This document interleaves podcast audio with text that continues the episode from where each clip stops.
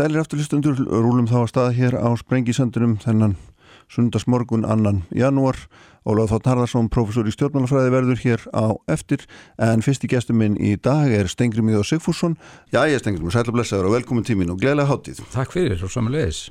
Sko það er hérna, það eru 38 ár Uh, 39 ár, nei 38 ár er það ekki síðan að setjast á þing Jú það er að síga eitthvað á 39. árið já, sko, það já. var í april 83 sem það var kosin Ég var einmitt að hugsa um það þegar ég var að lesta að hérna, þetta er, þú sest á þing þegar að eiginlega sögulegasta ríkistjón liðlis tímans er að hætta þar að segja ríkistjón Gunnars Tórótsens sem að hérna, Já, já, þínum henn alþýðbandarsmenn Það voru, voru- það var mjög sérstætt og verðbólgan var 100 og eitthvað prósent og já, við já. má vita hvað, var þetta, var þetta ekki Já, ræðilegt hérna. verkefni að horfast í hugvið?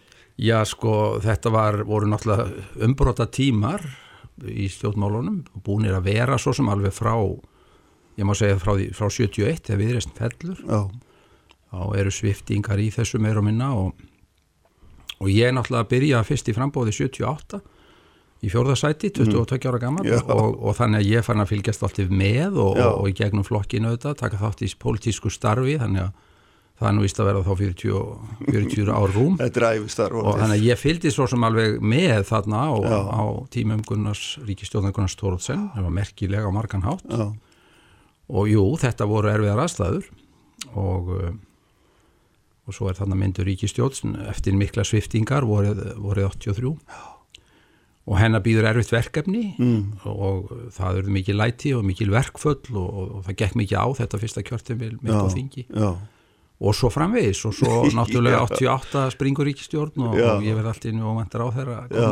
ung, ungur líka já, já, þannig að þetta voru litrikið tímar Já. þá eins og, eins og jafnan eiginlega já, einmitt nákvæmlega svona, mjög svona kröftut upphaf getur maður sagt já, já, mm. já, já, kvennalistin kemur þarna inn en og, og, og hérna það er fjör í þessu sko Já, nákvæmlega. Sko það er síðan hérna, síðan þú verður ráð þeirra, hérna 88 til 91 og síðan ekki aftur fyrir 2009, þannig að þetta er ansi laung, ansi laung ganga og það er hérna, já, já, sko þarna á milli, eða þá er svona blómatími sjálfstæðisflokksins. já það má er segja það fórsinsráð þeirra í hvað er, 14 ár og, og hérna, meina, hvernig, hvernig tími var þetta fyrir því sem að því þú hefur sagt líka að þú hefur ekki verið í þessu til þess að fylgjast með að hliðalínni. Nei, nei, það auðvitað var maður upptekið með annað að hluta til á þessum tíma því þarna verður uppstokkunin á vinstri vagnum og, og vinstri henging grænt frambóð og samfélkingin verða til þarna 99-2000 Já, já. þannig ég hafði svo nóg að gera í minni pólitík en, en ég tamdi mér bara að, að, að hella mér í þau verkefni sem fyrir lágu hverju sinni. En auðvitað var þessi langi valdatími já, Davíðs og sjálfstæðisflokksins og áherslunar sem voru keirðar á þeim langa tíma Já. það er mörguðu náttúrulega heilmikið stjórnmálin og þjóðmálin endaði nú allt með ósköpum auðvitað 88 en, en, en við horfum á það 2008 mennur? 2008 ef við horfum á svona hugmyndafræðilega Já, já. Uh, ég, sko, ég kunni ágætlega við mig í stjórnarastöðu, það er mikilvægt hlutverk og, Já. og, og, og ef maður notar þann tíma vel til að bæði byggja sjálfansu upp og, og, og þá reyfingu sem maður er að starfi í uh, þá má aldrei vera gengisfella það eitthvað að, að stjórnmálinn snúist bara um það að vera í, í ríkistjórn og vera í meiri hluta og Nei. vera ráþeira og eitthvað svoleiðis uh, ég held að hvaða stjórnmálamaður sem er ef hann lítur yfir sinn feril, tala nú ekki um ef hann er langur þá vilja hann gjarnan að þetta sé blanda á hvora tveggju. Já, ég, ég sæ ekki fyrir mér að maður hefur verið hamingjusamur að vera allan tíman í stjórnaranstöðu en það er alveg meinholt líka og ágætt að byrja þannig í raun og veru, held, ég held það sko, já. engum greiði gerður með því að, að- taka þetta of bratt. Nei. ég eiginlega vorkinni hálfpartin þeim sem aldrei eh, byggja sig upp sko sem þingmenn og sem stjórnaranstæðinga áður en þeir kannski taka sér fórustu hlutverk Já, og þeir hafa kannski ekki alveg rétta skilningin á svona jafnvæginu og, og mikilvægi þess að, rækta þetta nei, sem koma kottnungir inn eru kannski Já. ráður ennum 30 og bara í krafti sterks flokk sem Já. Mm. þeim er hent beintinn sem ráðherrum, þeir kynnast því aldrei að vinna sem óbreytti þingmenn, Nei. þeir horfi ekki á stjórnmálinn frá sjónarhóli þingsins og þingræðisins, menn, menn tapar svolítið á því, Já, þannig að ágætt fyrir menn að, að, að, að þetta skiptist á já, en þetta er tími sko, hérna, þessi tími sem þú nefnir sko, þetta er auðvitað tími ES, þetta er hérna, tími mikils uppgangs Já. hægri mennsku í heiminum, þetta er hérna já, svo, það er svo margt að gerast þarna þar sem að þú ert svona Daldi verður að sætta þig við að, að hafa ekki þau áhrif á það sem þú helst myndir vilja hafa, get ég mynda mér Ég var kannski bara þegar áleið þess þetta tímabil sérstaklega árin frá 2003 2003 og fram að, að hruni þá var ég bara vaksandi áhyggjufullur yfir því hvert þetta væri að fara hjá okkur og ég get nú alveg sannað það með skjölum sko mm -hmm. maður var að reyna að andæfa þessari, þessari blindu trú á, á, á markaðin og nýfrásíkjun og allt það mm, sko. mm. og upplýði sjálfan sig svona pínlítið sem rópandan í eðimörkinni það var í besta falli eiginlega hleyja að manni þegar maður já, var að reyna já, að vara við já, því að við værum að fara út á spórinu sko. Og, og stemmingin sem varði í þjóðfélaginu var merkileg og um þetta er nú allt fjallaði í skýslu rannsórna nefndar alþingis þannig að, að mínar mestu áhyggjur voru láguð þar sko. Eh, ekki af pólitíkinni hvað mig varðaði okkur vegnaði vel og vorum að styrkjast sem reyfing á þessum mm. árum, mistir reyfingin grænt frambóð en, en, en maður sá að það voru gríðarlega hættumerki á lofti og það var ekki verið að gefa þeim mikið gögum Nei, nei. Það, það er hérna sko, þú, þú átti náttúrulega kost á því að samin að vinstrimenn sem var svona ég hef ekki segjað þannig, við skulum lefur að klára þetta var náttúrulega mikil draumur vinstrimann að hætta að rífa stimpildis eitthvað megin og, já, já. og verða hérna jafn og ekki sjálfstæðarflóksins og þú farið þarna sens á því. Myna, það er ekki að horfa þurfi að sjá það. Já, en það... kýst eitthvað megin að svona, eða þér fellur ekki svo hugmynd. Ég, hvað raun og veru veldur ég að þú, þú hérna afriður að Sko ég, ég var með svona kannski einhver leiti aðrar hugmyndir um það hvernig ætti að ebla samstöðu á vinstri vagnum og það sem ég var að berjast fyrir og varð undir með var að, að þessir flokkar, þessar reyfingar gerðu þá með þessir formlegt kostningabandalag mm. en ég taldi það ekki tímabært í öllu falli og hafði miklar efarsemdur um að það væri hægt að sameina þetta í e, eitt stjórnmálaflokk. Það myndi splundrast, það myndu þá einhverju nýjir fara stað bara og, og það myndi ekki endast. Uh, og ég held ég hef nú verið svansbál uh, menn keirðu þetta mínum að það eins og hratt og, og hérna gáðu þessi ekki hann tíma mm. þá meðgöngu sem hugsanlega hefði duga til að, að, að, að mynda eitt flokk en svo held ég að þetta hafi verið svolítið svona svolítið draumsín sem tók mið af liðinni tíð og ef við horfum svo á, á stóru þróun stjórnmálana mm. Uh, bæði á þessum tíma og síðar þá hefði þetta nú sennilega aldrei orðið því að hvað eru við með í dag á þingi við erum með átta flokka og mjög litla við fengjum nýju Já. Og ég held menn hafið þarna pínlíti verið ímyndað sér að þeir getu haldið stjórnmálunum í gömlum skorðum þetta eruðu bara, já, tveir eða þrýr stóri flokkar og ekkit meira já.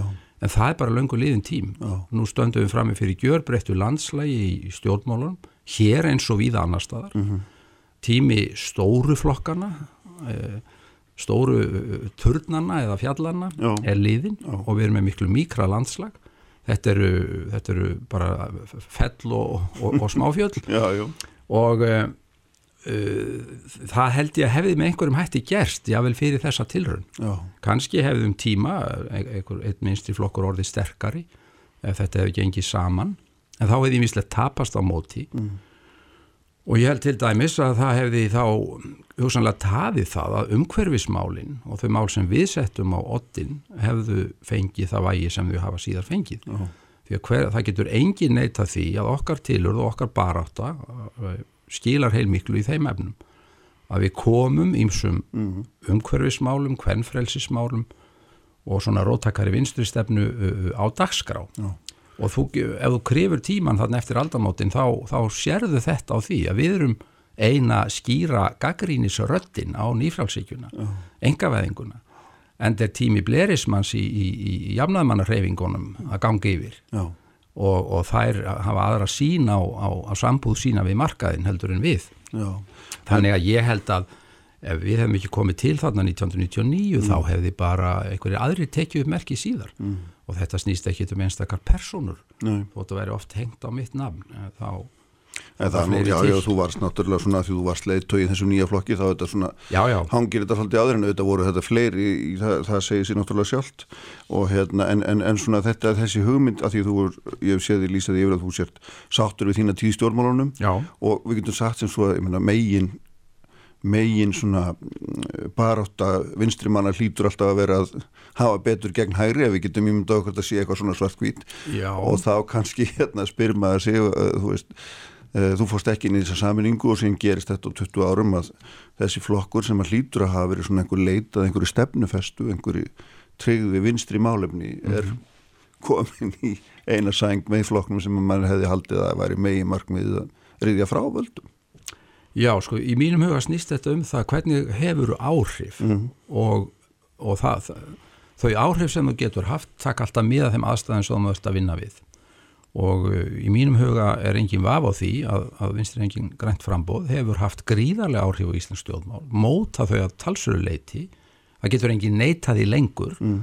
nú þegar Katrín Jakobsdóttir er að leiða uh, sína aðra ríkistjórn uh, og það, það, það gerist í gegnum það að þú hefur áhrif með verðinni mm. og með verkum þínum og það getur gert á ýmsan hátt e, vissulega hefur áhrif í stjórnaranstöðu, þú kemur málum á dagskrá og þú veitir aðhald og gaggrínir en það er miklu meira sem kemur beinlýnins í verk Já. með því að, að, að ef við bjóðast aðstæður til þess að, að vera við völd og rinda hlutum í framkvæmt ég hef allan tíman verið þar í, í, í minni pólitíka, ég vil hafa áhrif. Já. ég skil ekki alveg eh, til hvers maður er í þessu en maður vil það ekki. Nei.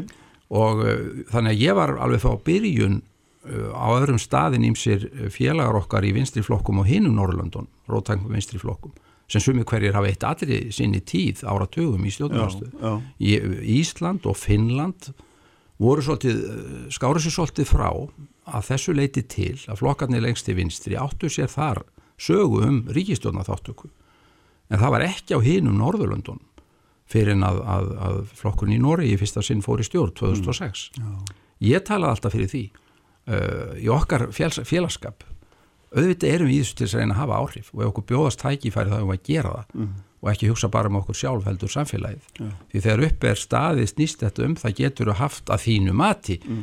Áhrif á samfélagsþrónina til já, góðs já. en ekki bara hugsa um sjálfaðing og það höfum við svo sannlega gert En á móti myndi einhver segja að svona uh, flokkurinn sem vinstri grænir sem að hérna svolítið stígur hann ákveði skreiti vinstra á sínum tíma já. hann næri svolítið ekki að vera róttækur anstöðuflokkur það er svona hans upphaf eins og það er nú að lýsa svolítið og, og síðan er alltaf ótturinn við það þegar þú ferð inn í kerfiðin að gæslappa þú, þú komist ekki út úr því aftur já, sko, þetta er svo nálgun að þú verðir að þeim málamiðlunum sem þú gerir en já, þannig þarf það ekkert að vera Nei. flokkur sem veit nákvæmlega hvað hann stendur mm. og er, er, er með sterkar rætur í sinni pólitík hann á að vera eh, nógu burður til þess að geta gert málamiðlanir á þess að týna sjálfum sér mm. þetta snýstu þetta allt um það.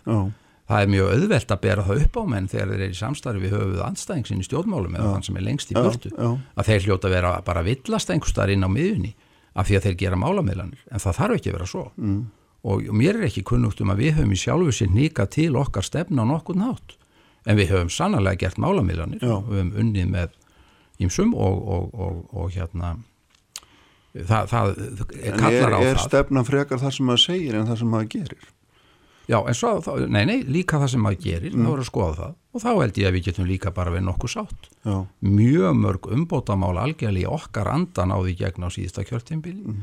ég var mjög ánaður með, með til dæmis uh, jafnréttis og kvemfrelsis og mannréttindamálin þar sem við náðum miklir á, góðir áfangar mm staða hinsegin fólks, lenging fæðingarólos og það var tekið, tekist til, til við umhverfismálin og lofslagsmálin af alveg nýjum þrótti Já. Og það, er það ekki okkar merki mál? Jú. Já. Þannig ég tel að við getum líka í verkonum sínt það að við höfum mikil áhrifinn í þetta samstarf og uh, hitt svo allt annað mál, er þetta gott fyrir stjórnmálinn sko endalust uh -huh. en þá held ég að við þurfum að horfa á það uh, hér á Íslandi að að, eh, og talið um sko að það sé eitthvað mjög skrítið og óeilegt við það að við skulum ekki vera að vinna í ríkstjótt með samfélkingunni eða, eða þeim sem eru Já. svona nær okkur í litróinu tekur finnst mér svolítið mið af því að það séu til einhver blokkastjórnmál á Íslandi en þau eru það ekki. Uh, við, við höfum málinn hafa þróast hér með öðrum hætti að flokkar ganga almennt óbundin til kostninga og þar eru þar leiðandi ekki svík við einn eða neitt þó að þeir vinni sjálfstætt úr stöðunni hver fyrir sig mm, þegar, mm. þegar uppir staði frá kostningum þessi hlutir væru ómögulegir í Danmörku, eiginlega óhugsandi já, eins og við vitum já, og í Svíþjóð. Já, en á Íslandi, í Finnlandi og víðar þá, þá er, hefur þetta yðurlega gerst. Finnar er ekkit óvanir svona regnbúa ríkstjórnum eins og þeir kalla þær. Þannig að stjórnmáli lúta sínu lögmálum hvert í sínu landi og þetta hefur þróast svona hér og ég tel að að, að, að vinstri græn með það sterkri stöðu sem þau hafa öðlast bæði með góðu fylgi og, og, og með náttúrulega gríðarlega öflugum fórustumanni þar sem er Katrín hafi haft alveg mótandi áhrif og ég, það er ekki minnsti ef í mínum huga að þetta verið gott fyrir samfélagið. Við höfum, ættum að vera þakklátt fyrir það Íslendingar að hafa haft stöðuga sterka ríkistjórn í gegnum þessa þetta umrót allt sem við höfum gengið í gegnum og, og, og er menn að. Þannig að, að það verður að meta þetta bara svo með glerugum söguna svona þegar frá líður. Já, já. var þetta til góðs eða ekki? Já, og láta ekki dægur talið, dægur frasi slási út af læginu menn verða sigli gegnum það það hef ég lært. Það eru lært að lengu ferli, hérna, við ætlum að gera östu klíðastingur og hérna, halda áfram eftir, eftir, hérna, eftir, eftir smástund. Sælir afturlustundur, Stengrim Jóð Sigfússon, uh, fyrirverandi alþingismöður, já, Já. og ráðherra og fyrirverandi fósitt í þingsins og, og svo framvegis. fyrirvændi ímislegt Já, fyrirverandi eitt og annað, hérna, Já, já. það er alveg ljóst, hérna, sko, uh, það, er, það er svona, það er svo áhugavert finnst mér að tala um hugmyndir og hvað er, hvað, hvaða hugmyndir eru efstar á baugi og, og hérna, hvernig þær mótast og, og hvað það er til dæmis að vera vinstri maður í nútímanum eða hægri maður og svo framvegis. Þetta eru allt orðið svo hérna veist, eh, þetta er orðið svona þókukendar en það var. Og tökum nú bara eitt mál sem að hérna, eh, ég er vissum að við erum sammálað og erum ekki svo mikill aldursmunur á okkur að einkendi svona hérna, það að greina á milli vinstri og hægri. Það er hérna, aðeldin allarsvarsbandalæginu. NATO. Nú, þetta er mál sem er bara horfið. Og ég spurði Katrínu Jakobsdóttir þegar hún var hérna, uh, að verða fórstræðri fyrst skipti hvort að þetta væri prinsipmál að, að þetta standi í stjórnarsáttmála að við ættum að ganga úr NATO. Já, og það kom bara, hún vissi ekki hvað hann þessi, spurning kom. Og veist, þetta er mál sem ætlum svona prinsipmál eða var, en er algjörlega horfið og það er, er engin prinsip eftir, geta mann samið um hvað sem er eða hvernig, hvernig lítur á það? Nei, það held ég alls ekki en, en, en sko vægi einstakra málaflokka kannski breytist gegnum tíman og, uh, og það, það er náttúrulega þannig að, að uh, þó menn hafi ríka tilhengu til þess að skilgreina stjórnmálinn bara út frá vinstri hægri. Þá eru yfirlt alltaf einhverju fleiri öxlar í þeim. Og uh, ég tegnum stundum dæmi bara færiskun stjórnmálum til Já. að útskýra þetta. Að þar ganga tveir öxlar a- alveg þerti í gegnum stjórnmálinn það er vinstri hægri og það er sjálfstæði samband. Það er að segja afstæðan til sambúðurina við Danmörku. Já, þessi tveir öxlar bara marka færiks stjórnmál Já. og eru nokkurn veginn jafn gildir sko hér hjá okkur voru, voru utryggsmálin um tíma og sérstaklega á tímum kaldastriðsins og meðan hér var erlendur her með fasta viðveru gríðarlega stór já, og, og höfðu mikið vægi umræðinni þau hafa þokað í burtu og, uh, og sá öxull vext getur við sagt. En það þýðir ekki alltaf að þetta sé alveg horfið og, og, hérna en aðri hlutir kannski fá ekki vægi eins og lofslags og umhverfismáli núna. Já, já. og við getum þess vegna prófað að skilgreina íslensk stjórnmál aðeins út frá þeim öxli. Hver er afstafa stjórnmálamanna og flokka í dag til stærsta framtíðarverkefnis mannkynsins? Það er að ná tökum á, á, á, á loslagsbreytingunum og, og, og merkja mennin á þann já. þannig að, að um, stjórnmálin eru ef maður má nota það hugtak í, í þeim skilningi þrývið ekki bara í plani Já. að það geta verið margir öxlar í þeim. Uh, og, og hérna en, en klassísk uh, afstafa til uh, markaðurins til velferðarkerfisins, til jöfnuðar eru þetta alltaf á sínum stað og eru, eru sígild vegna þess að þau varða samfélag hvers tíma alltaf miklu já. En finnst þér hvernig, ekki hvernig þegar nálgastu uh, samábyrð og velferðarkerfið Já, já. eða viltu láta þetta meira ráðast á fórsendum markaðarins og, hverju bara sjá um sig mm Mhm. -hmm. Meina, uh, maður horfir á svona hluti og þeir eru alltaf sígildir Já, en, en verða líka þókukendir þegar að menn af gjör Já.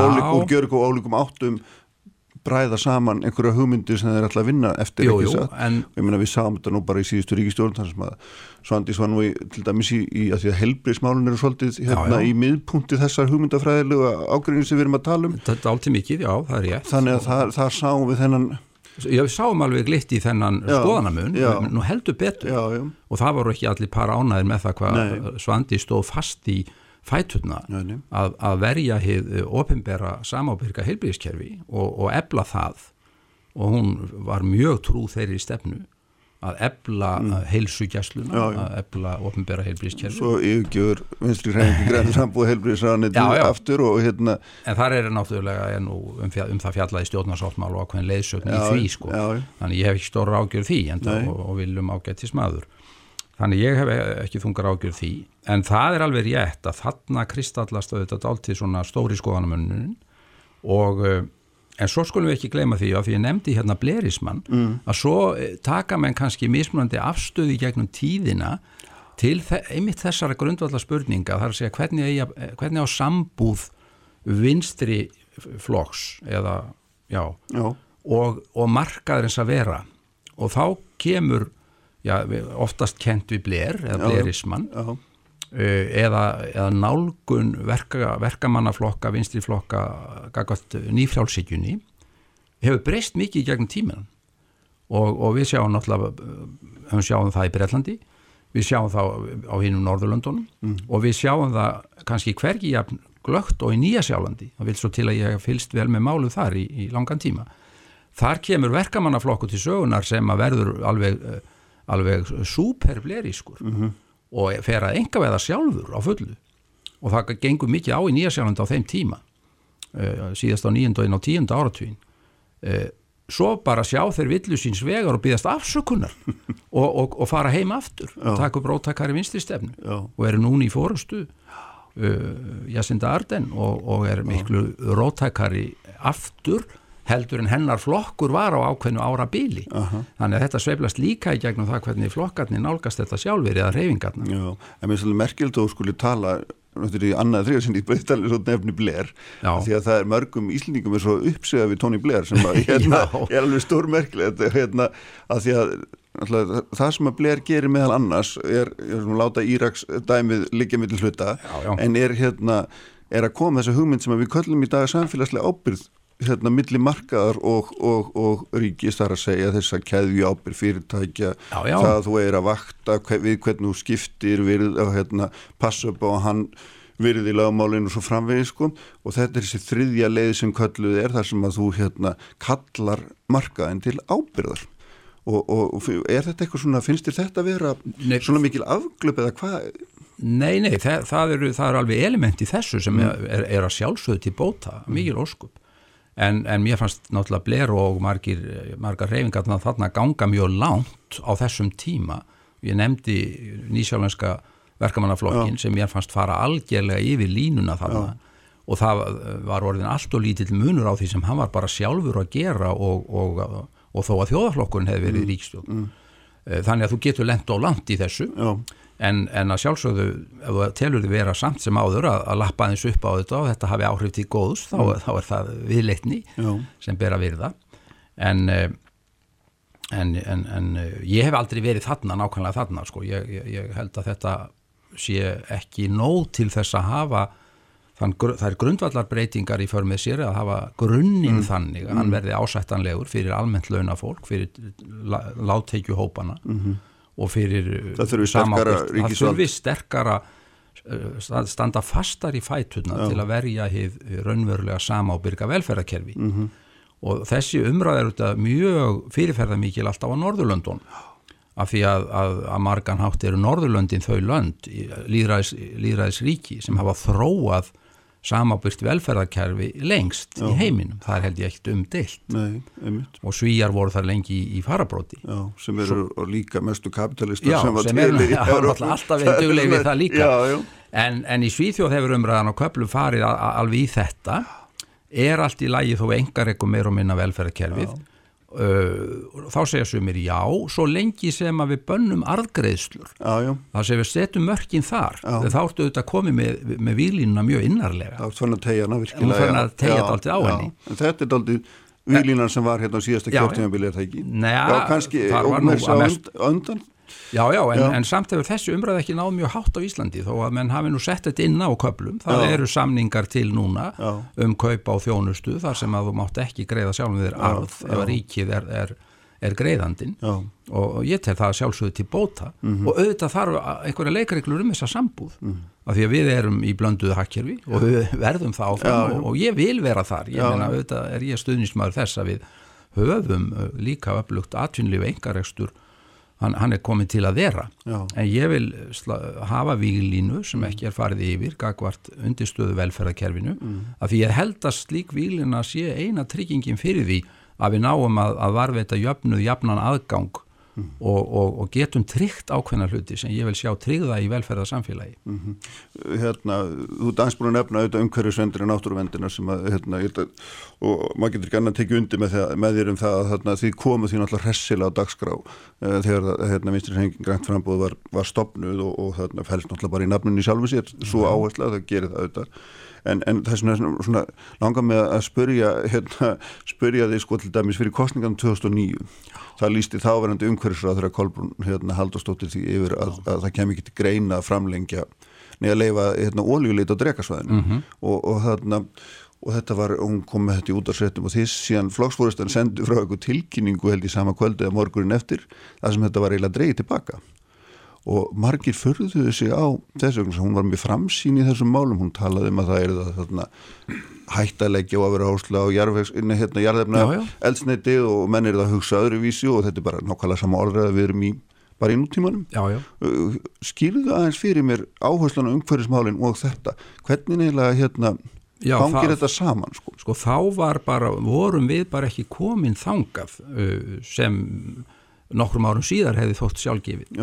Umræðan á Íslandi og, og, og, og stefnumótunin bara byggði á, á öðrum hlutum menn að við vorum með nýlega lögjöf í höndunum sem mm. gildi mm. og sem lög um kólefnisleit eða hvað mm. hann gett mm. og við höfum sér reyfing ekki tekið þessa afstöðu sem Kolbrún persónlega hafði þarna. Nei. Það er alveg rétt, hún, hún var á, ég sagt á undan sinni samtíð þarna en, en við vorum ekki komið þangað sér reyfing, við höfum allavega ekki mótan eina slíka stefnu og ekki sem sagt uh, líst andstöðu við þá uh, lögjöf sem þarna var gildand á þessum tíma. Og, og því var einhver leiðrætting uh, gerð hvað það var já, já, að, að Kolbrún væri að tala hún, hérna... Kolbrún væri að tala fyrir sjálfa sig en ekki fyrir mót, mótaða stefnur hefingar en og nokkrum árum setna hefði þetta örgulega farið allt öðruvísi skilur en, en, en menn verður líka að hafa í huga hversu rætt ekki síst einmitt málin á umhverfisviðinu mm. hafa þróast. Mm. Sko þegar við komum til söguna 99 og, og, og tökum þá djörfu ákverðun að, að skýra okkur grænan flokk sko, að ganga bara fram með þann fána á lofti, þá voru margir, hafðu margir miklar efasemtur um það, því að grænt var bara svona Greenpeace eitthvað sko mm -hmm. og, og Íslendingar hafðu litla saman með því, já, já. en við svoðum það er það sem þarf. Og fengum svo Kárnúka slagsmálinn beint í andlitið eh, bara okkar fyrsta kjörtímbili og svo framvegs, þannig að hlutirnir hafa þróast geysilega og breyst sem betur fer. Mm -hmm en það er umhverfis rétturinn og umhverfis umræðan er, er, er, er tiltöla ung mm -hmm. bara, það er bara gróharlem brúntland og, og hérna sem setur þá hluti virkilega á kortið Þannig að þar er mannkynnið að glíma við nýttir í þessi verkefni sem að það, er ekki orðið nóg meðvitað um fyrir mm. bara núna á mhm. síðustu ártugum mm. og við höfum auðvitað tekið miða fyrir rétt eins og aðrir að þeir hlutir hafa verið að þróast hratt. Trátt fyrir þessa miklu framsýn ykkar 99 þá er þið ekki komin 2009 nægilega langt til þess að hérna, Nei, baka upp umhverfisræðurinn ykkar í, í þessu málum.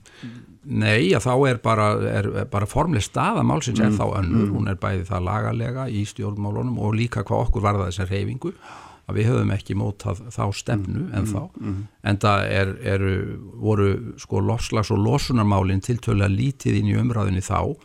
Borðið saman við það sem nú er. Já, já, já. það var miklu meira einn klassíska náttúruvend og afstæðan til stórvirkjana og, og, og slíkra hluta. En tölum það sem bakka líka bara rétt í þessu samingi að því að þú hérna þú stuttir það. Já, já, þetta er í þínu kjördæmi og svona sko, hérna, ég get auðvitað hamast í þér fyrir að ganga á móti safaringuðin eða eitthvað svona við vilt en, en, en við verðum áhuga að vita sko, sagt, þegar þú ert að horfa þetta sem vinstri maður sem umhverjusvenda sinni vinstri græn og þú ert að velta fyrir þessari jafnvægi á milli þinna hugssjóna þar og svo hins að þú þart að vera þáttakandi í einhverju eða mistu fórst í stiðja þar sem maður getur veitt fólki atvinnu og byggt upp, upp hérna svæð og svo framins, ég meina mm. hvernig horfur á þetta, hvernig svona hvernig veldur þessu fyrir þér, hvað er það sem vegur þingst? Það, sko, að vinna úr þeirri stöðu sem er fyrir framann á mm. hverjum tíma mm. og þessum tíma eru tvö, ef ekki þrjú álver í álver, risvaksin álver í undibúningi það er álver söður á Kelsnisi, það er, eh, það er álver á, við Húsavík mm og, og stækkun að minnskostu einu í viðbót það var stór stækkun fyrir höfu í Strömsvík og ég barðist gegn þessum álverðshugmyndum með otti og egg uh, við Húsavík mm. og var nú ekki vinsalistur mann á þeim slóðum nei, þá nei. einfallega vegna þess að þar var svo risavarskið verkefn á ferð að það hefði sópað upp öllum orgu möguleikum í þingaðsíslum og víðar. Það er væntalega þurfti jökulátnar í skagafyrði í viðbót ef ekki eitthvað sem er alltaf sér að takkur jöks á fjöllum. Og ég taldi mikils til vinnandi að afstýra þessum áformum. Mm -hmm.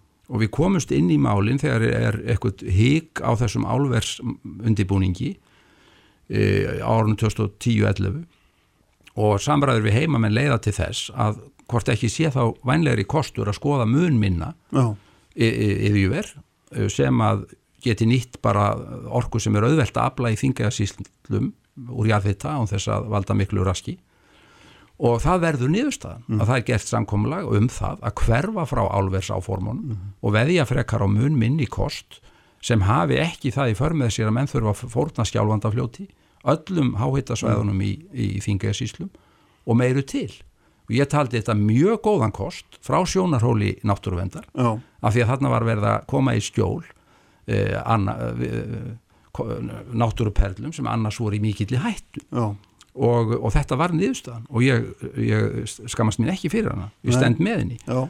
og svo ver, er það alveg rétt að atvinna ástandi var erfitt á þessu svæði. Þetta var byggð sem var í vörn. Meðalaldurinn fór mjög hækkandi og ég þekkti þetta eins og lóan á mér.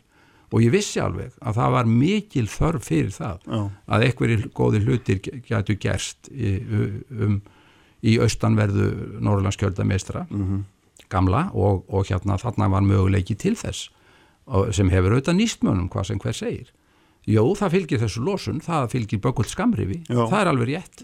En, en, en það verður alltaf að taka ákvarðanir og líka ríkisútgjöld sem hún skrifaður upp já, en, já, já, já, já, við, við þurftum að fjárfesta og, og fjár, mjög mikil fjárfesting talsvert í innviðum já. til þess að opna þarna nýjan staðsetningarkost fyrir, fyrir yfirna starfsemi. Og ég er samfærður um að hann á eftir að nýtast og við hefum eftir að segja fjölbreyttan og þess vegna umhverjusvænan yðnað mm -hmm uh, nýta þessa flottu aðstöðu sem þannig er búið að skapa mm. þannig ég held að, að, að þetta verði til góðs, þetta hefur mjög mikið vægi og gott í, í, í byggðafrónalegu tilliti jávægi og það er ágætt að þessu möguleikar til þess að staðsetja svona starfsemi víðar en mm -hmm. kannski bara hér á söðustur hodninu eða þetta er svona Östurlandi, ég, ég set þetta allt í stort samhengi og vaðlega hefða gangin með já. sem ég hef nú líka verið skammaður mikið fyrir en ég er ákaflega stoltur af já. vegna þess að ég tel að þessir þetta til samans og margt fleira sé að styrkja Norðurlandið og það hefur mikið gildi, mm -hmm. því að landi sporresist ekki enn frekar og þess vegna á líka að setja kraft í að þróa Akureyri sem svæðis höfuborg og, og þannig að það eru miklu möguleikar í stöðunni sem þetta já, hefur opnað. Já. Eitt hérna áður við gerum aftur hlýjastengum hérna, er, er þessi hérna, en veit að þegar maður er fyrir að lesa við vittul og, og, og hlusta gamlar eða þú ert oft ansi, ansi orðkvatur stundum sérstaklega kannski á fyrir árum skemmtilegur hérna, en þarna núna bara fyrir mjög stuttu þá talaður um grenjandi minni hluta í tengslu við hálendiskar þjóðgarða hálend við hálendina það að hann mætti ekki, grenjandi minni hluti mætti ekki stýra þessu og 65% þjóðarinnar vildu þetta samkvæmt skoðanakonunum og þinn umhverjusáður að þá eða ykkar, Guðmundur Ingi var náttúrulega mjög áfram með þetta en komst ekki áfram með málu og nú er það greinlega búið að svona íta því til hliðar, ef ekki segja það er allavega búið að tefja það, það er alveg ljóst. Já, með verða vantalega að sætta sig við að þetta komi í einhvern skrefum. Já, og minna, umfangsminna Já, í byrjun já, og, og, og það mun, það mun gerast. En er þetta líka því þú talar um þetta sem helgidóm þjóðarinnar. Já. þú gerði það í þessari ræðu já. og líktir þessu við kirkju eða morsku Ég held að hálendi sé það Já, gerði það mjög skaldlega og vel. En, er þetta umsæmilegt? Er þetta umsæmilegt í stjórnarsáðmála að það, hérna Já. að láta af þessum áfórum til þess að venda þennan helgidóm Já, ef menn komast hva? ekki áfram með málið mm. eins og þau vildu helst hafa það sjálfur þá verða menn að, að vera raunsægir praktískir og, og, og ná þá þeim besta árangri sem í bóði er og ég held að það hafi verið nákvæmlega það sem gerðist núna í, í, í þessum mm. stjórnarsáttmála mm. menn sættast þá á það að, að þetta verði eitthvað minnaðist niðum í byrjun og þetta muni þurfa að gerast í skrefum en það mun gerast og ég er algjörlega samfarið um það að þjóðin verður þar áfram, hún Já. vil verja passa upp á hálendi sitt.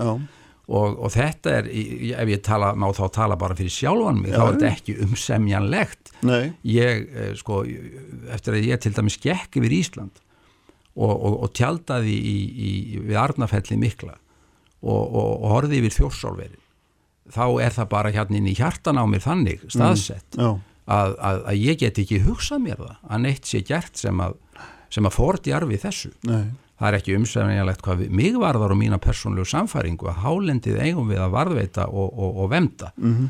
og það eru gríðarlega vermætti fólkin í því og þó það væru ekki sjálfu sér í núinu eða til næstu ára liti þá, þá er það okkar skilda Já. því við erum umsjónar menn þessa lands, þessa stórbrotna land sem Ísland er mm -hmm. Það vil nú svo til að ég er að lesa núna bókinum Sigur Þóruninsson, mentor minn í jarfræði og, og gleymi mér algjörlega í lesturinnum á henni. Hann var einn af þessum framsýnum önnum sem kom náttúruvendin á dagskrá í Íslandi. Og, og hérna það er hot lesning fyrir menn að lesa hversu frumstæð umræðan um þetta var þá. Já. og þegar menn alltaf sökku öllum þjórsórverðum og, og hugsun þetta aðeins bara í þessu samhengi líka hálendi munum hvernig, hva, hvernig barátt að Sigriðar í Brattholti var á sínum tíma Já. og hvað var hún að allaði hún að tryggja og vemda? Jú það var hann gullfoss þannig voru tímannir þannig að við verðum dæmt með, með svona eftir 20 ár, 50 ár mm -hmm.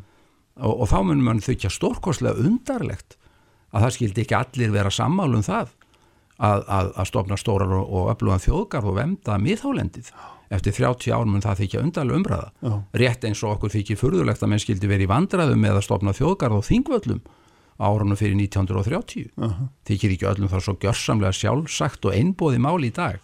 Þannig við verðum líka að vera svolítið framsýn í þessu og reyna átt okkur á, á okkar hlutverki og okkar skildum og það er líka þarna að, að vemda þetta stórkostlega land okkar og, og Hálendi Íslands er alveg einstakt fyrirbæri á heimsvísu og það skiptir gríðalegu máli að, að, að horfa á það heildstætt mm. sem þá, þá perlu sem það er. Já, skulum gera hérna stuttlíðast engrum og halda áfram eftir, eftir ögnumleikum. Sælir áttur hlustandur Stengri Mirjó Sigfússon sittur ennþá hérna hjá mér, við erum búin að tala saman allengi og ætlum aðeins að hérna halda áfram vegna sem ég langar svo, ég var að hugsa um það þegar þú varst að hérna þegar ég var að undirmófum fyrir þetta að þegar þú byrjar á þingi þá er ekkert í tölva Nei, nei, nei, ekki farsífi og svo framvegs og svo framvegs og framvegs og hérna ekki eins og niður komin sko bílasími NMT-sími kom setna þetta er, svo, þetta, er hérna, þetta er nú svona hérna sko og, og og, og það sem var líka þá náttúrulega allt öðruvísi og mér langar að spyrja þau um er auðvitað, sko þá eru stjórnmálaflokkar ennþá algjörlega í miðjunni á íslensku valdakerfi ef ekki segja það. Og ráð þeirra mjög held ég valda og áhrifamiklir en þetta hefur líf mikið brist er það ekki, eða hvað finnst þér ég minna, er, er hérna sko, myndur, er, getur maður sagt sem svo að stjórnmálmenn hafa farið frá því að vera áhrifamiklir og valdamiklir yfir í að vera svona áhrif að litlir í augnablíkinu hvernig myndir þú mm. svona Nei, en sambúð þeirra sko við önnur svið er, er allt öðruvísi mm. sem betur fer Já. það, það, ef maður lítur yfir þetta svona stóru myndin í þessu þá hefur þróunina mínum að það langmestu leiti verið góð sko þegar ég byrja þarna þá er ekki bara ekki nema 40 kilometrar með bundu slítlægi á milli Reykjavík og Akureyri heldur heldur eru þingmenn í öllum bankaráðum og, já, og, og þetta já, var allt í miklu meiri flæk stjórnmálamenni voru inn í þessu með puttana miklu meira. Við erum með, með helmingaskiptin þar segja það, er, það eru kólkrabbin sem að kalla það öru, öru megin og svo sambandi já, og allt þetta.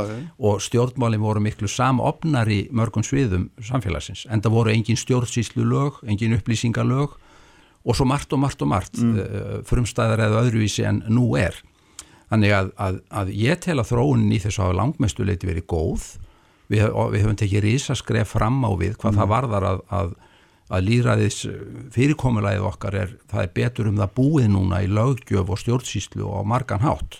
Þannig að það hefur verið, það hefur verið framfærir og eiginlega öllum sviðum þar.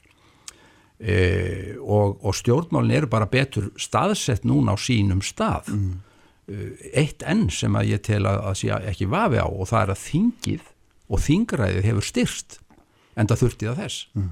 Meina þegar ég sitt í utræksmálun nefnd fyrstu árin mín á þingi þá, þá rítar embættismáður og utarriksráðundunum fundargerðina þegar, þegar utarriksmálu nefndi alþingis heldur fundi. Já. Svona var þetta sko, þetta ditti engum hvað, í hvað flækt innan um annað já, já. þetta ditti engum í hug í, í dag Nei. Og það hafa verið tekin mjög góð skref í því að styrkja þingræðið með því að ebla þingið. Þegar það voru engin nefndarittar, ekkert nefndarsvið til þegar ég byrjaði. Þingmenn verður sjálfur að skrifa fundagerðir og bóða gesti og svona. Nú hafa menn tugi aðstofarmanna mm. sérfræðinga, sér við hlið. Þannig að þingið eru öflúra eftirlislutverk þess að verið styrt alveg geysilega mikið með, með stjórnskipunar eftirlisnemnd og öllu því. Þannig að það voru umbætur á þessu leiti sem gera stjórnmálina mínum að til heilbreyðari mannum dettur dett ekkit í hug ymsir hlutir í dag sem að við gengust þarna og, og það er gott mm. Uh, það má enn gera betur á ymsum sviðum en, en ég held að uh, líðræðið og þingræðið standi sterkar í fótum í dag og það sem mm. miklu betur um það búið eins og ég segi í lögum og, en, en er ekki, og praxis Er ekki hinn hlýðin á þessum tenningi svo að, að stjórnmálamenn hafa núna miklu færri tækifæri til þess að láta um, ljósitt skína gera vel við sína umbjóðundur ég menna landsbyða þingmenn uh, ná einhverju málminga fyrir sitt kjördæmi eins og þekktir og svo framvegs ég menna uh, tækifæri til þess að Nei það er náttúrulega áfram til staðar það sem skiptir nú ekki lítlu máli. Mm. það er að segja að setja landinu fjárlug já, ákveða ríksútgjöldin hvernig er tekna aflað og svo framvegs mm -hmm. þetta hlutverk er alveg á sínu stað og ég held að það sé bara einfallega skýrar í verkaskipting og betur já. um þetta búið núna. Stjórnmálamenni sé að gera það sem þeir eiga verið að gera og eru kostnið til að gera en ekki að blanda sér inn í annað mm -hmm. sem á að búa með öðrum hætti. Svona armslengdar sjónamiður orðin viðurkend og, og hæfisreglur og hagsmunaskráning og allt þetta er til bóta í þessum efnum. Og ég held að við, ég tel að við séum sem norrænt velferðar og líðræðisríki miklu miklu nær því en í dag en við vorum þarna fyrir 40 árum síðan að geta gert bara góðan samanburð á okkur mm. og til dæmis hinn um Norðurlundun. Við vorum auðvitað eftir að margan hátt, vorum ekki komin eins lánt á okkar vegferð, enda ungt lífveldi og allt það. Mm. Við höfum þroskast og þróast vel á þessum tíma mm. og almennt hefur Íslandi vegna vel. Lífskjör hafa batnað og við erum á miklu, miklu betri stað eila á allan hátt í dag en við vorum þarna, nema hvað öðrum hefur líka miðað réttan hátt, en við höfum já. dreyið á forskotið, já. það er ekki vafi í mínum huga, Nei. við höfum dreyið mjög á forskotið. Mm -hmm. þegar ég var þarna á fyrstu árunum á vettvangi Norrlandarás og svona, þá, þá fann maður þennan mun alveg. Að Ísland og einhver leiti Finnland voru að skrefunum á eftir skandinavisku löndunum. En það, sá munur hefur mingað verulega og sumstaðar horfið og sumum sviðum er Ísland fórsturíkið í dag Já. ég tel að við getum alveg sagt að við séum það á ymsum sviðum hvað var þar jafnréttis og, og marrendamál þá standa þau mjög vel á Íslandi uh, borið saman við ymslut annað Já. Þannig að við höfum margt til að vera þakklátt fyrir, það þýðir ekki allt sem komið í lag, það er, er áframverk að vinna. Já, já, nákvæmlega, hérna, en þetta er svona merkilegt vegna að þetta, sko, sama tíma hefur stjórnsíslan styrst mjög mikið já, já. Og, og sérfræðinga veldi þar hefur vaksið mjög mikið og það lítur að vera svona fyrir almennan þingmann einhvern veginn svona floknara að fylgjast með öllu og, já, já, og ná utanum allt vera afgerandi í málum þetta er orðið að, allt annað umhverfi já. og það er alveg rétt og það er floknara og einsann hátt en það er einhvern veginn bara kröfur tímans og allar öll reglusetning og allt þetta er viða mikil og floknari mm. en það er bara svo margt að taka breytingum og, og talandum að, að, að kannski að að þetta hafi einhver leti dreigi bustur nefi stjórnmálamanna þá allir ég nú bara snúa dæmin aðeins við og ræðum ykkur hérna á, á klassísku fjölmiðlun menn að ykkar staði náttúrulega svo gjör breytt með, með samfélagsmiðlunum og öllu því. við vítum alveg velti fyrir já, okkur í dag hvaða áhrif raun og veru hafa hinnir síkildu gömlu fjölmiðlar dagblöð eða útvörp eða snúver borið saman með það sem áður var já, þegar þau réðu algjörlega umræðunni. Og það voru gríðali breyting eins og ég þarf ekki að fara yfir með þér Þannig að við erum öll að, að upplifa það að umhverfið okkar er að breytast og, og þróast og margt er jákvæmt, annað ekki. Já. og við þurfum að takast á við þetta. En, en mannkynið hefur verk að vinna. Og auðvitað er ég með í vaksandi mæli bara að hugsa um alveg stæstu myndina sem eh, náttúruvísinda maður, hvernig mun okkur reyða af Já. með þessa jörð okkar og, og, og mannlífið og náttúruna hér á jörðinni. Já, hérna því við þurfum að ljúka, er, er það eitthvað sem alltaf núna svona fara aktíft út í að beita þær í eða hvað hva er sko að hugsa? Já, ég sinni því vel og, og horfi mikið á það. Ég er svona með ímis eh, hlýðarverkefni bara sem tengjast fyrir störfum. Ég er að reyna aðstofa við að byggja nýja kirkji í Grímseg og svona. Já, þannig að það er, það er sem betur fyrir hverfur það ekkit og áhugum minn á stjórnmálum og þjóðmálum hefur ekkit dvínað þó ég hafi bakkað út af sviðinu og sé ekki dagstæðilegur þáttakandi þar. Nei. en ég vil reyna að nota kraftana einhverju leiti til, til góðs þar sem ég tel mig geta það og þar standa umhverjusmálin mér og loslagsmálin mm. næri hjarta mínu.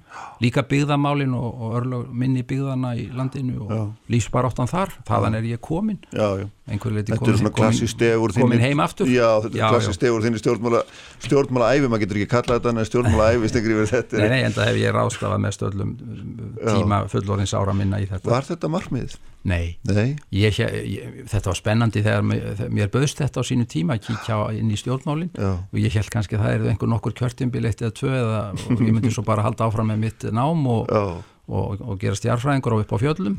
Það var alltaf drömmurinn sko Já. eftir að ég valdi járfræðina e, eða þá vera bara vörubílstjóri eða, eða bóndi eða eitthvað svo leiðis Já. Allt þetta hef ég svo vel gett að hugsa mér. En, en það fyrir ekkert að ræði um þetta í þá skildaga tíð uh, hingað er ég bara komin og já, það er gott. já, ég, ég er ánaður, sáttur. Já, það er gott að heyra. Takk fyrir að koma. Takk. Heldum áfram hérna eftir augnablík uh, Stengrum Jósefusson uh, farin frá mér eftir langt og ídalett spjall hér um, um hans merka stjórnmálaferil sem að laug nú svona formlega núna þegar að síðast var kosið til þings eftir 38 ára setu á, á alþingi Íslendinga. Ég ætla nú að halda áfram að tala hérna um stjórnmál því annar góður gestur er sestur hérna hjá mér og það er prófessor í stjórnmálafræði Ólafur Þotn Harðarsson. Já, Ólafur Þotn Harðarsson, sætla blessaður og velkomin til mín æfilega og gleðilega háttíð. Já, gleðilega háttíð. Takk fyrir að koma og vera með mér. E, langaði svo, lengi langaði aðeins að fara svona yfir stórumyndin í Íslandum stjórnmála með þér hérna, og horfa aðeins svolítið fram og, fram og tilbaka og út og söður ef svo má segja mm -hmm. og kannski svona Eh, eitthvað svona grundvallar hugdag sem ég langar að tala um til að byrja með, það eru völd og áhrif mm -hmm. af því að Ísland er þannig uppbyggt að flokkar stjórnmálum hafðu gríðarlega áhrif, voru í miðpunti allra valda hér eiginlega fram eftir allri 20. öld getur maður sagt og svo hefur þetta, er það ekki mjög mikið breyst hvernig svona hvernig horfir við á þetta, eru stjórnmálum en orðinir valda lausir í dag eða hvað Já, um þetta nú fjallaði nýri bók mm. eftir kollega minn Gunnar Helga Kristinsson sem já. heitir e, Elítur og valdakerfi á Íslandi og reyndar eru núna komið út þjár bækur á þessu ári sem að eru nokkur tíma móti í Íslands stjórnmálfræði sem að ennú bara rétt ríflega hálfaraldar gömul á, á Íslandi mm.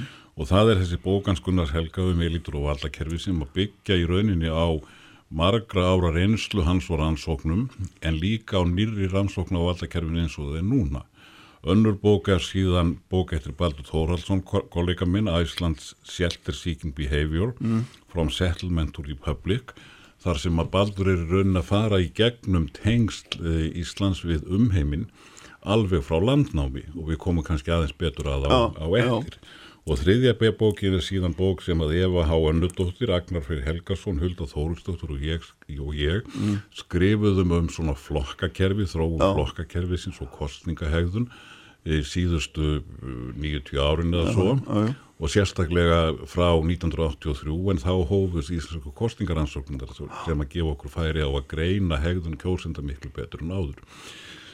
En ef við komum að spurningunni þá hefur orðið eh, mikil breyting á því hvar völdin liggja í samfélaginu og Gunnar Helgi, hann skoðar þetta í grófundráttum alveg frá, frá 19. völdinni mm. og greinir í rauninni þrjú megin uh, skeið. Uh, fyrst erum við með hefðbundin elitisma eða ætlarveldi sem að einkennir 19. völdina og fyrstu ár þeirra 20. Síðan höfum við það sem hann kallar samkeppniselitismi en er í rauninni bara flokksræðið sem þú varst að nefna Já. og það svona stendur uh, eiginlega stóran hluta úr 20. veikist setni hluta aldarinnar en þá fer að þróast uh, það kerfi sem við búum við í dag sem að er þá margræði eða pluralismi mm. sem að er í rauninni uh, hefur orðið sterkara uh, síðustu áratugina og, mei, og er í rauninni megin einkenni e, okkar valdakerfis í dag og pluralismin eða margræðið einkennist af því að það eru fjölmargar elitur mm. á ólíkum sviðum sem hverum sig ræður tölvert miklu á sínu sviði.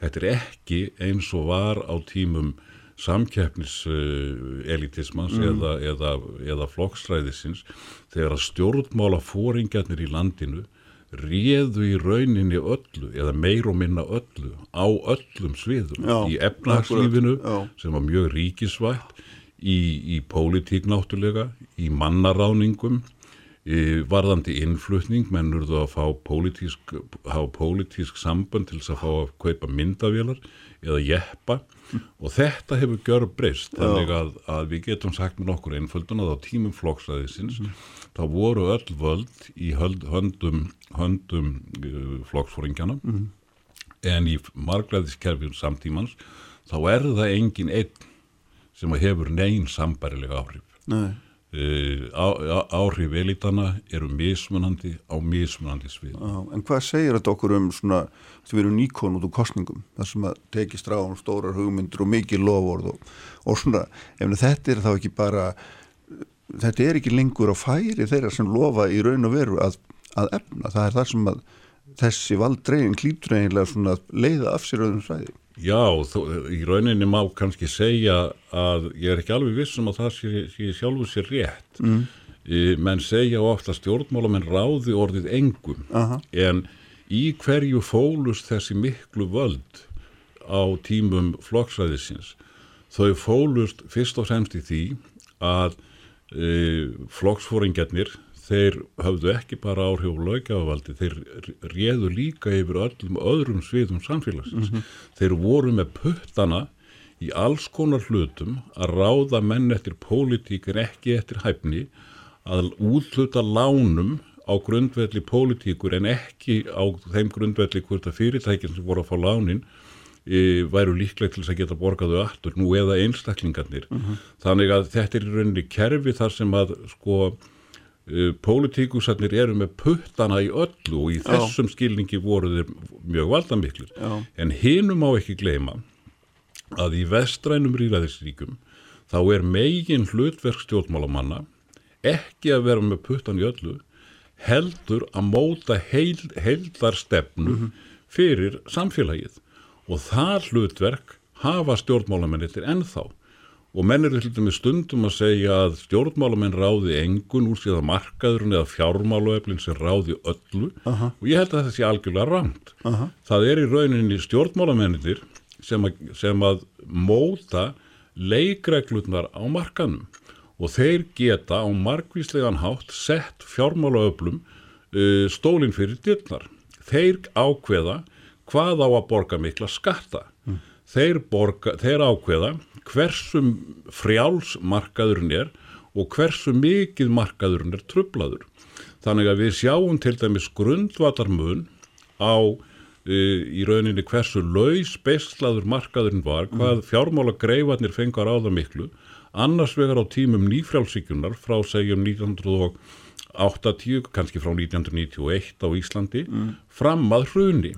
Og síðan því sem hefur gerst síðan, þegar stjórnmálamennir hafa ákveðið í flestum vestrænum löndum að auka ríkisafskipti og hverfa aftur til afskiptasamari efnahagstjórnar sem oh. oft er kend við, við Keynes. Já. Þannig að, að stjórnmálamennir sem sé þeir eru í rauninu myndi ég segja sko hættir að, að, að hérna vera með puttana í alls konar hlutum sem í rauninu eiga ekki að koma þeim við Já, en þe þeirra hlutverk sem, sem þess aðila sem að setur reglunar í samfélaginu er áfram fyrir hendi og það er gríðarlega því þýðinga mikið og, og oft vannmetið í umræðinu. mm. Hvað með sko samspil á milli uh, sístækkandi svona stjórnkerfis, stjórnsýslu uh, vaksandi sérfræði þekkingar, fjölgunar fólks og framvegis versus stjórnmálamannin sem stendur einhvern megin kannski meira einn og berskjaldaður í, í þessu öllu. Það er líkil atriði og líka þar finnst mér oft gæta mikils miskilnings á eðli stjórnmála og ekki síður á eðli embættismanna og embættiskerfisins. Því að menn tala oft eins og embættismenninni ráði öllu. Já, já, og það er bara vitnaði yes minister. Þá ágætu, ágætu þætti. E, þetta held ég að sé í, í meginatriðum raung greining. Embættismenninir skipta miklu máli og þeir eiga að skipta miklu máli. Og í flóknum nútíma samfélögum er algjörlega nöðsynlegt að vera með velmannað og tiltólega stort embætskerfi. Öðruvísi getum við ekki rekið þessi, rekið þessi þjóðfélög. Mm.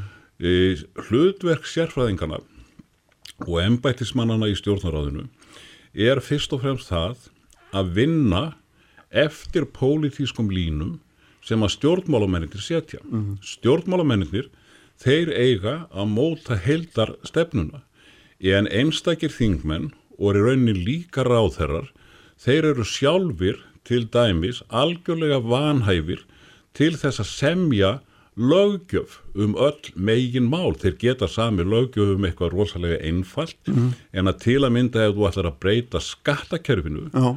ef þú ætlar að breyta e, dómskerfinu ef þú ætlar að breyta mentakerfinu að þá er í rauninni nöðsynlegt að vinna ítarlega greiningu og hana geta engir gert nema sérfræðingar uh -huh. og það geta í rauninni engir skrifað alminleg lagafrumvörp um flókin mál nema sérfræðingar eru þá stjórnmálamennir áhrifalauðsir aldeilis ekki Nei. þeir móta heildar stefnuna segjum mm. að það komi nýri ríkistjórn mm. sem að vil til dæmis auka frjálfsíkju í efnagsmálum þá kemur fjármálaráðurann til sérfræðingar og segir ég vil lækka skatta uh, minga útgjöld mm. eða hvað farið þið nú í þá vinnu að útlista hvernig þetta er tæknilega framkvæmanlegt mm -hmm. og í þar sem að þetta er gert af alvöru eins og til dæmis á Norðurlundunum þá eru gerðan setta nefndir sem eru nú líka alveg rosalega vannmetinn öðlind því það er skipla, skipta oft verulega miklu máli að þá er sett nefndi eða sérfræðingahópur sem að hugsa málið út frá forsendum ráðherrans og setur síðan niður mm -hmm. kannski eina, tvær, þrjár, fjórar lausnir útskýrir hvaða áhrif hver lausn myndi hafa á aðra partar samfélagsins og síðan er það stjórnmálumannana að velja hver lausnin er. Mm -hmm. Þannig að ennbættismenninir er ekkert sjálfur að móta stefnuna e, ekki í góðu stjórnkerfi.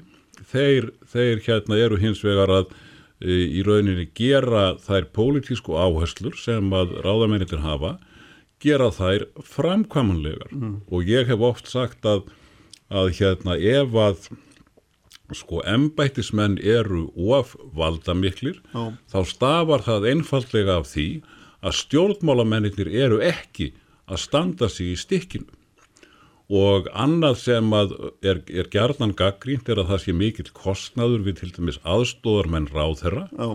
þeir hafa vísu stundum verið ráðnir sem pýjarmenn í staðin fyrir að vera alvöru stefnumótandi aðstóðarmenn en pólitískir aðstóðamenn ráð þeirra eru gríðarlega mikilvægir líðræðislega vegna þess að, að embættiskerfið á að vera ópolítíst, hins vegar er mikilvægt að ráð þeirra hafi einhverja með sér sem að getur hjálpað honum mm. að, að, að leggja pólitísku línutnar og í rauninni svona eiga í kreatífu eða skapandi sambandi við embættismennina um nýja lögjöf og, og þess aftur. Sama gildir um þingið. Mm -hmm. Menn er að skammast yfir því að það hafi fjölgað stórlega starfsmönnum alþingis en þetta er bara gríðarleg líðræðisleg framför vegna þess að, að þingmönnunum, þeir eru ekki sérfræðingar, það er eðli stjórnmálamanna, ja. að þeir eru ekki sérfræðingar í neinu. Þeir eru, þeir, og þeir eiga ekki að vera sérfræðingar í neinu. Nei E, þess vegna þurfa þeir á sérfræðilegri aðstóð að halda og menn eru líka stundum að skammast yfir því að ráðherrar sé engir sérfræðingar á sínu sviði já, já, núna erum við með hérna einn af okkar farsælustu fókbóllaþjálfurum sem helbriðisráðra e, og það er bara allt í góðu lægi við höfum verið með dýralækni sem, sem fjármálurráðherra og þetta er bara allt í góðu lægi vegna þess að ráðherran á ekki sjálfur að vera sérfræðingur á sviðinu, hann nei, nei. á að móta almennastefnu og mm. hefur síðan sérfræðinga til þess að útfæra stefnuna fyrir mm. sig mm. eða með sér. Sko þú er búin að tala um hérna, fjármarsmarkaðin og þú er búin að tala um stjórnsýslun og er kannski þriðja elementi sem að hérna, uh, er mikilvægt í þessu það er þetta hagsmunna öll, hagsmunna samtök, mjög stór, velskipulöð, hafa mitt á að skipa mörgum sérfræðingum, geta gefið út greina gerðir, leipinandi mm álit, guðmávita, hvað Já, þetta heitir allt saman ég meina, er það ekki enneitt þátturinn sem að heggur mjög í svona völdu áhrif þeirra sem við erum að kjósa? Já, þetta var þannig að hagsmunarsamtökinam eiginlega öll og alveg sérstaklega þessi stóru hagsmunarsamtök vinnumarkaðarins, bændarsamtökin og, og atvinnureikendarsamtökin og verkliðsefingin mm. voru nátengt stjórnmálaflokkun Já, og gengu oft getum við sagt erinda þeirra, nú eða stjórnmálaflokkarnir gengu erinda hagsmunarsamtakana þetta var svona e, tölvert mikil, mm. mikil sambræðisla það sem hefur breyst á síðustu áratugum er að þessi samtök hafa orðið miklu miklu e, miklu miklu sjálfstæðari.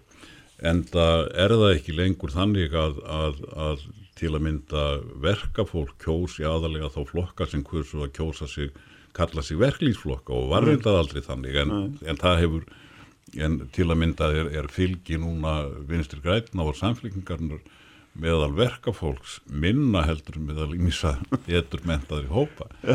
Í, þessi samtök hafa auðvitað umtalsverð áhrif í, en ég held að það væri mjög ofsagt að þau, þau, þau séu alls ráðandi. Það mm. er að vísu dálítið mismunandi og margir hafa nefnt að, að uh, sérstaklega samtök uh, samtökin í, sjávarútvegi hafi verið mjög, mjög áhrifamikil og það er enda rétt að þegar að kvótakerfinu var komið á upp úr 1980 þá voru það fyrst og fremst hagsmuna aðilar í sjávarútvegi í samvinnu við Haldur Ástrun Fromsen þá var sjávarútvegsöðra sem byggu til þetta kerfi. En í rauninni má segja það sama um hagsmunasamtökin eins og um embætismennina mm.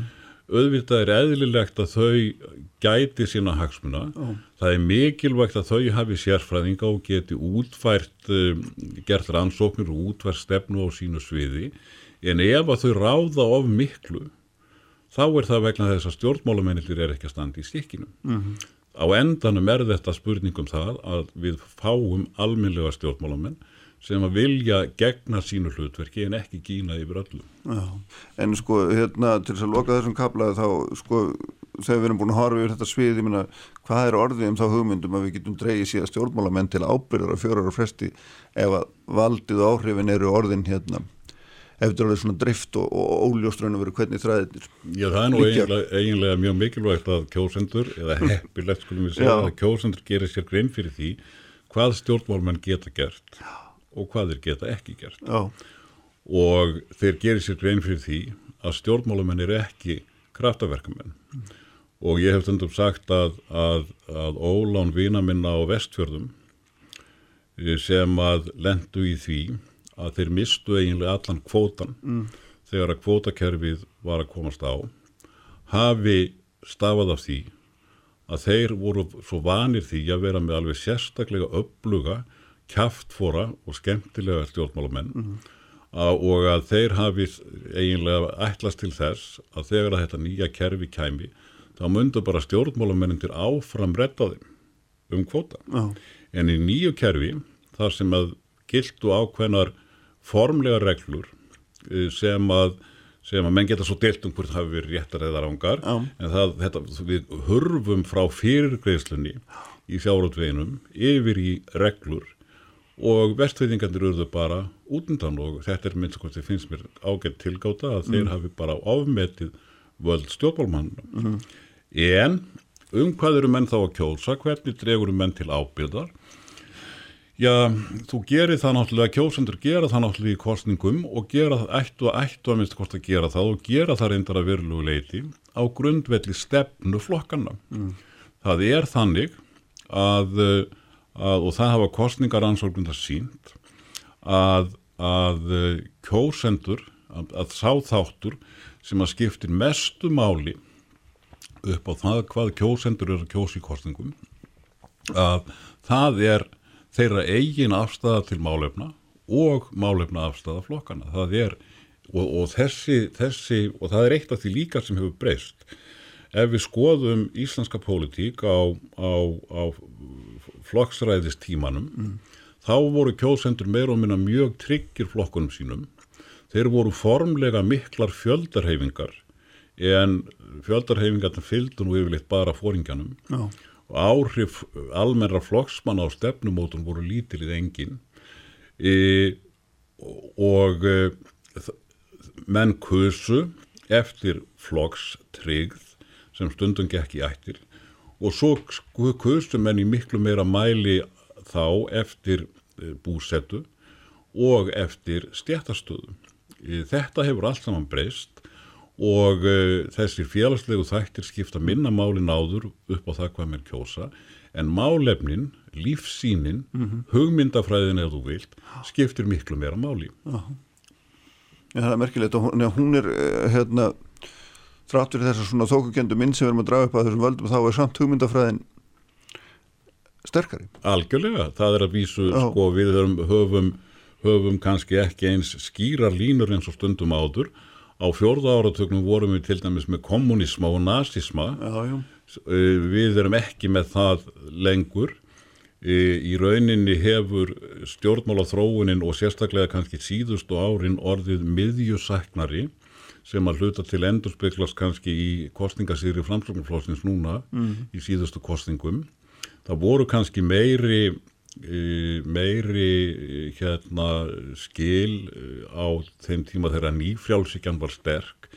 En þó er það svolítið merkilegt að all, hér á landi eins og annar staðar þá hafa svona megin línur í stjórnmálum síðustu 120 árin og kannski lengur. e, verið mótuð af svona tísku bylgjum mm -hmm. í veröldinni Við sjáum til dæmis á Íslandi að, að eftir heimastjórnina, á, fyrstu áratvíðin eftir heimastjórnina, þá ríkti hér mikil frjálsíkja, mm. innflutningur var frjáls, menn gáttu kæft erlenda osta og bjór og vín í bara venjulegu maturubúðum.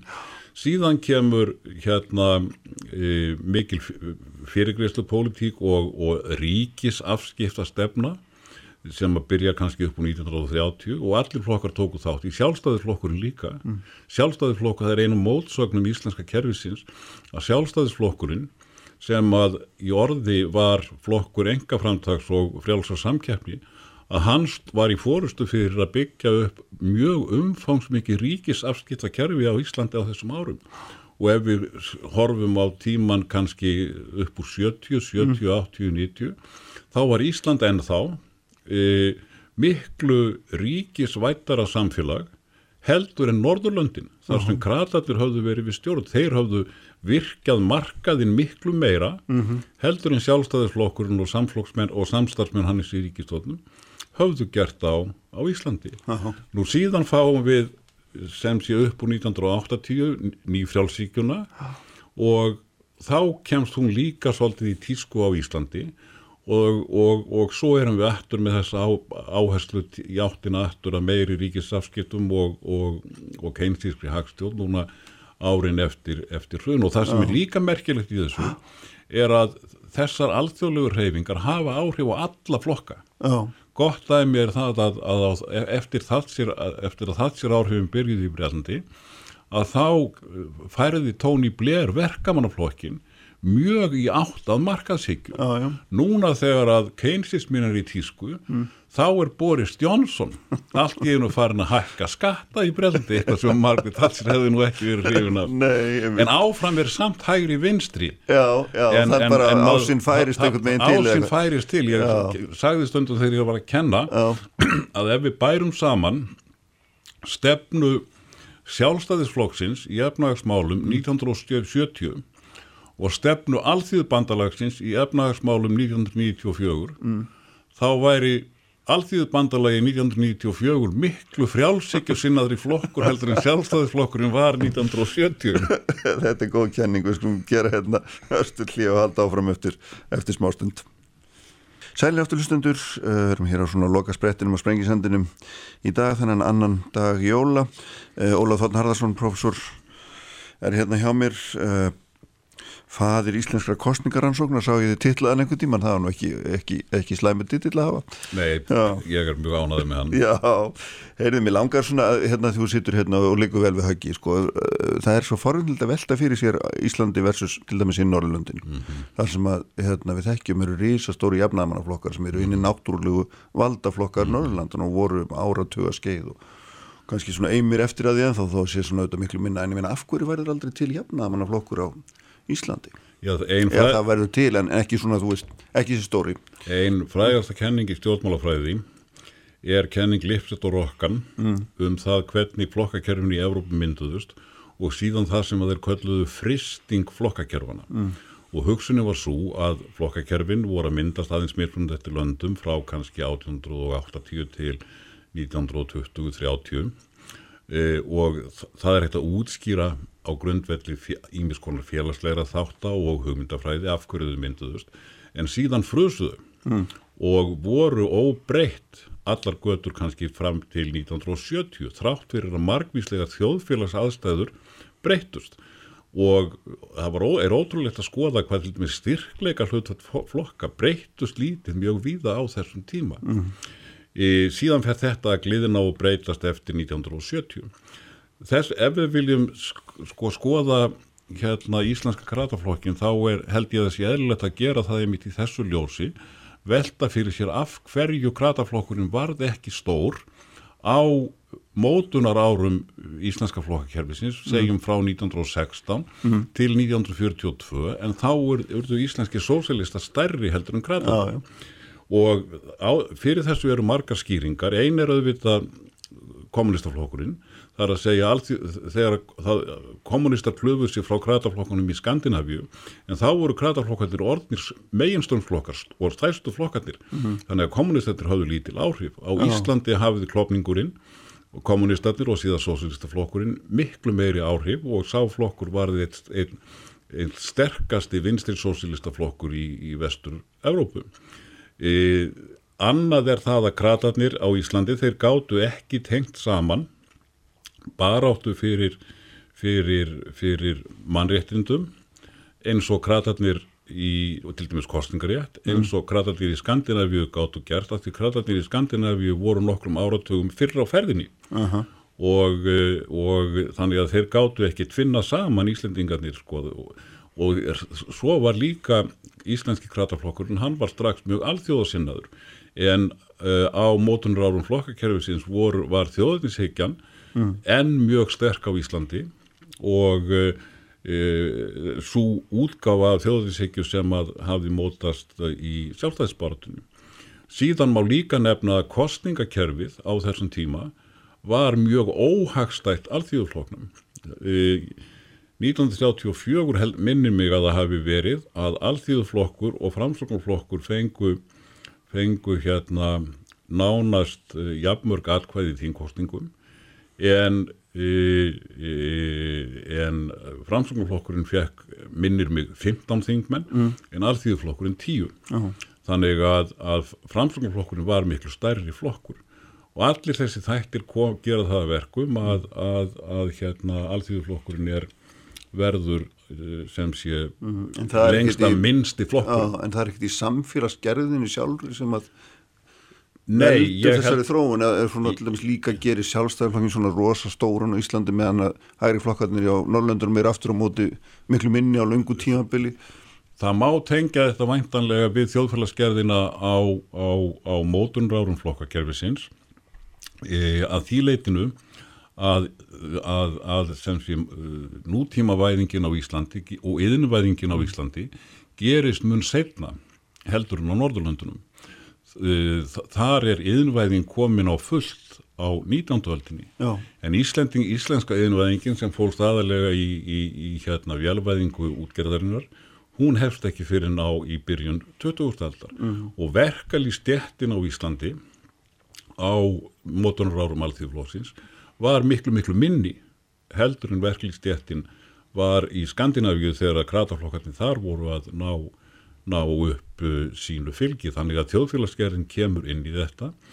En uh, ég er ekki vissum að eftir, uh, eftir sem sé mótunarárin þá hafi hún skipt mjög miklu máli. Þetta var frekar svona sko flokkar fara að lifa þegar flokkar verða til. Mm. þá verða þeir skipulaðir heldir og þeir fara að lifa sjálfstæðu lífi með sitt, með sitt prógram og sína félaga og þarfmyndi göttunum og eins og fristing flokkakerfana sínir að þá sko geta flokkar lifað príðilegu lífi þrátt fyrir að, að, að sá grundvöldur sem þeir voru stofnaðir á sé farin ah. og þeir hafa tölverða aðlugunarhæfni, þeir laga sig aðbreyttum afstæðum eins og til að mynda ég nefndi áðan um tí, tískuströymana í hagstjórn hins vegar eru þeir ekki eilífir og við höfum séð það í allri Európu, ekki bara mm. í Íslandi að flokkakerfin síðustu áratugina hafa gjör breyst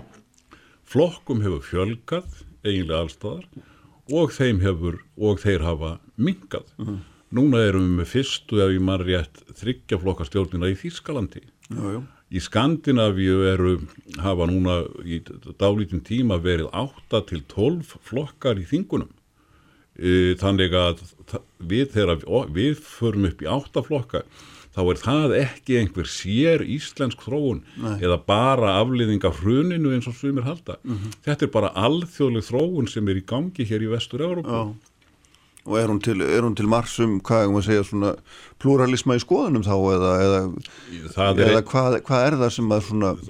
Já, það er eiginlega til margsum pluralism í skoðunum og það er eiginlega sko tímar hinn stóru flokka er mm. liðin. Mm virðist vera liðin. Við sjáum að krataflokkarnir í Skandinavíu er orðin 25% flokkar, 30 góða ári. Sama gerist með sjálfstæðiflokkin hér.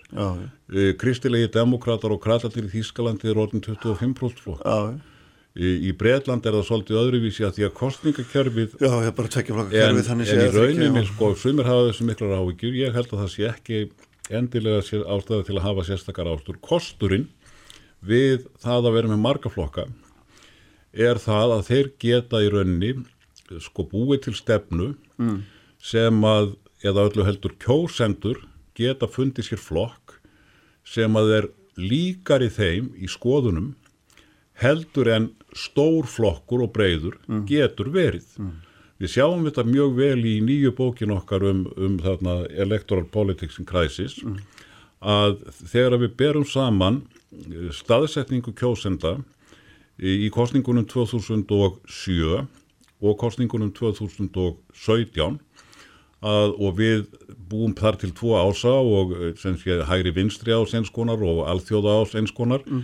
að, að, og síðan reknum við út meðal afstöðu kjósendana kjósenda hvers floks og sjáum síðan hvernig þetta kemur út í tvívíðu grafi og megin niðurstaðan þar er svo að flokkandir allir mm. 2007 eru mjög líkir hver öðrum Þannig að kjósendahópur sjálfstæðarflóksins, hann hefur mjög margbreytilega skoðanir og kjósendahópur samfélkingarinnar hefur mjög margbreytilega skoðanir og þessir tveir kjósendahópar eru ekkert mjög ólíkir. Mm. Þannig að út frá því var ekkert óæðilegt að sjálfstæðarflokkur og samfélking gætu mynda ríkistjórn e, 2007. 2017 er þetta allt, allt öðruvísi. Mm. Þá erum við komið fleiri flokka og flokkatir draga kjósendur miklu betur í dilka. Mm -hmm. Kjósendahópur hvers flokks er miklu einsleitari, það þýðir að kjósendurnir, kjósendur flokksins eru meira sammála hvort öðrum heldur en áður var og fjarlægðin millir flokkana í tvívíðu grafi hefur aukist ja. og við höfum séð í, í, í þakraf sínur okkur að kjósendur flokkana 2017 e, voru þannig að, að, að píratar samfylking og viðreist voru mjög á sama stað miðju, við miðjun á hægri vinstri ás, miklu alltjóðasinnaðri heldur en heldur en aðri flokkar. Sjálfstæðisflokkurinn hafði, hafði í rauninni færstölfur til hægri endar, og í sjálfur sér ekkert skrítið vegna þess að 2007 var hann flokkur sem var með 35-40% ah, komin nýri 25% þannig, og það er líklegast að það hafi verið mið, miðsækning kjósendur sem yfirgáðan og aftur á móti á alþjóðu ásnum þar áttu sjálfstæðisflokkurinn og, og vinstri græn e, og framsókn e, samleið. En, en, en vinstri græn kjósendur vinstri græn og framsóknar þeir voru á miðju eða vinstra megin við miðju í, í, var á hægri vinstri ásnum mm. og áttu þar, þar miklu meiri samleið í þannig málum með því flokkunum sem að ég nefndi, nefndi á það og í rauninni getum að nota svona, svona mynd til þess að velta fyrir því stjórnarmyndunum ef að stjórnir eru myndaður út frá málefnum Já. sem er algengast í, í rannsóknir sína er lang algengast að flokkar sem eru líkir í skoðunum, þeir eru myndað samanstjórnir Já. ef að stjórn væri mynduð á, á finnstir hægri ásnum mm. út frá þeim málefnum þá ætti ríkistjórn, núverandi ríkistjórn að vera ómuleg en ef hún er mynduð á út frá alltjóða ásnum Já, þá passar hún vel saman. hún vel saman. Já, og þá er bara spurningin, er þessi ríkistjórn mynduð aðalega um, um alltjóða ásin Já, það er nú góð spurning. Ég held hérna, Ólafur, það er hérna e, verðum að segja amen á þetta refnum að þessu sinni, takk fyrir að koma. Mm. Já, takk að og hérna, við bara höldum áfram með þetta einhvern tíma setna Já, við hefum marga klukkutíma eftir. Resti þakki fyrir að koma.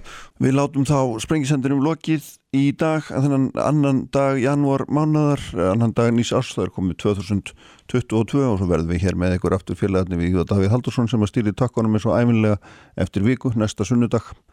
Eh, þangað til, verið sæl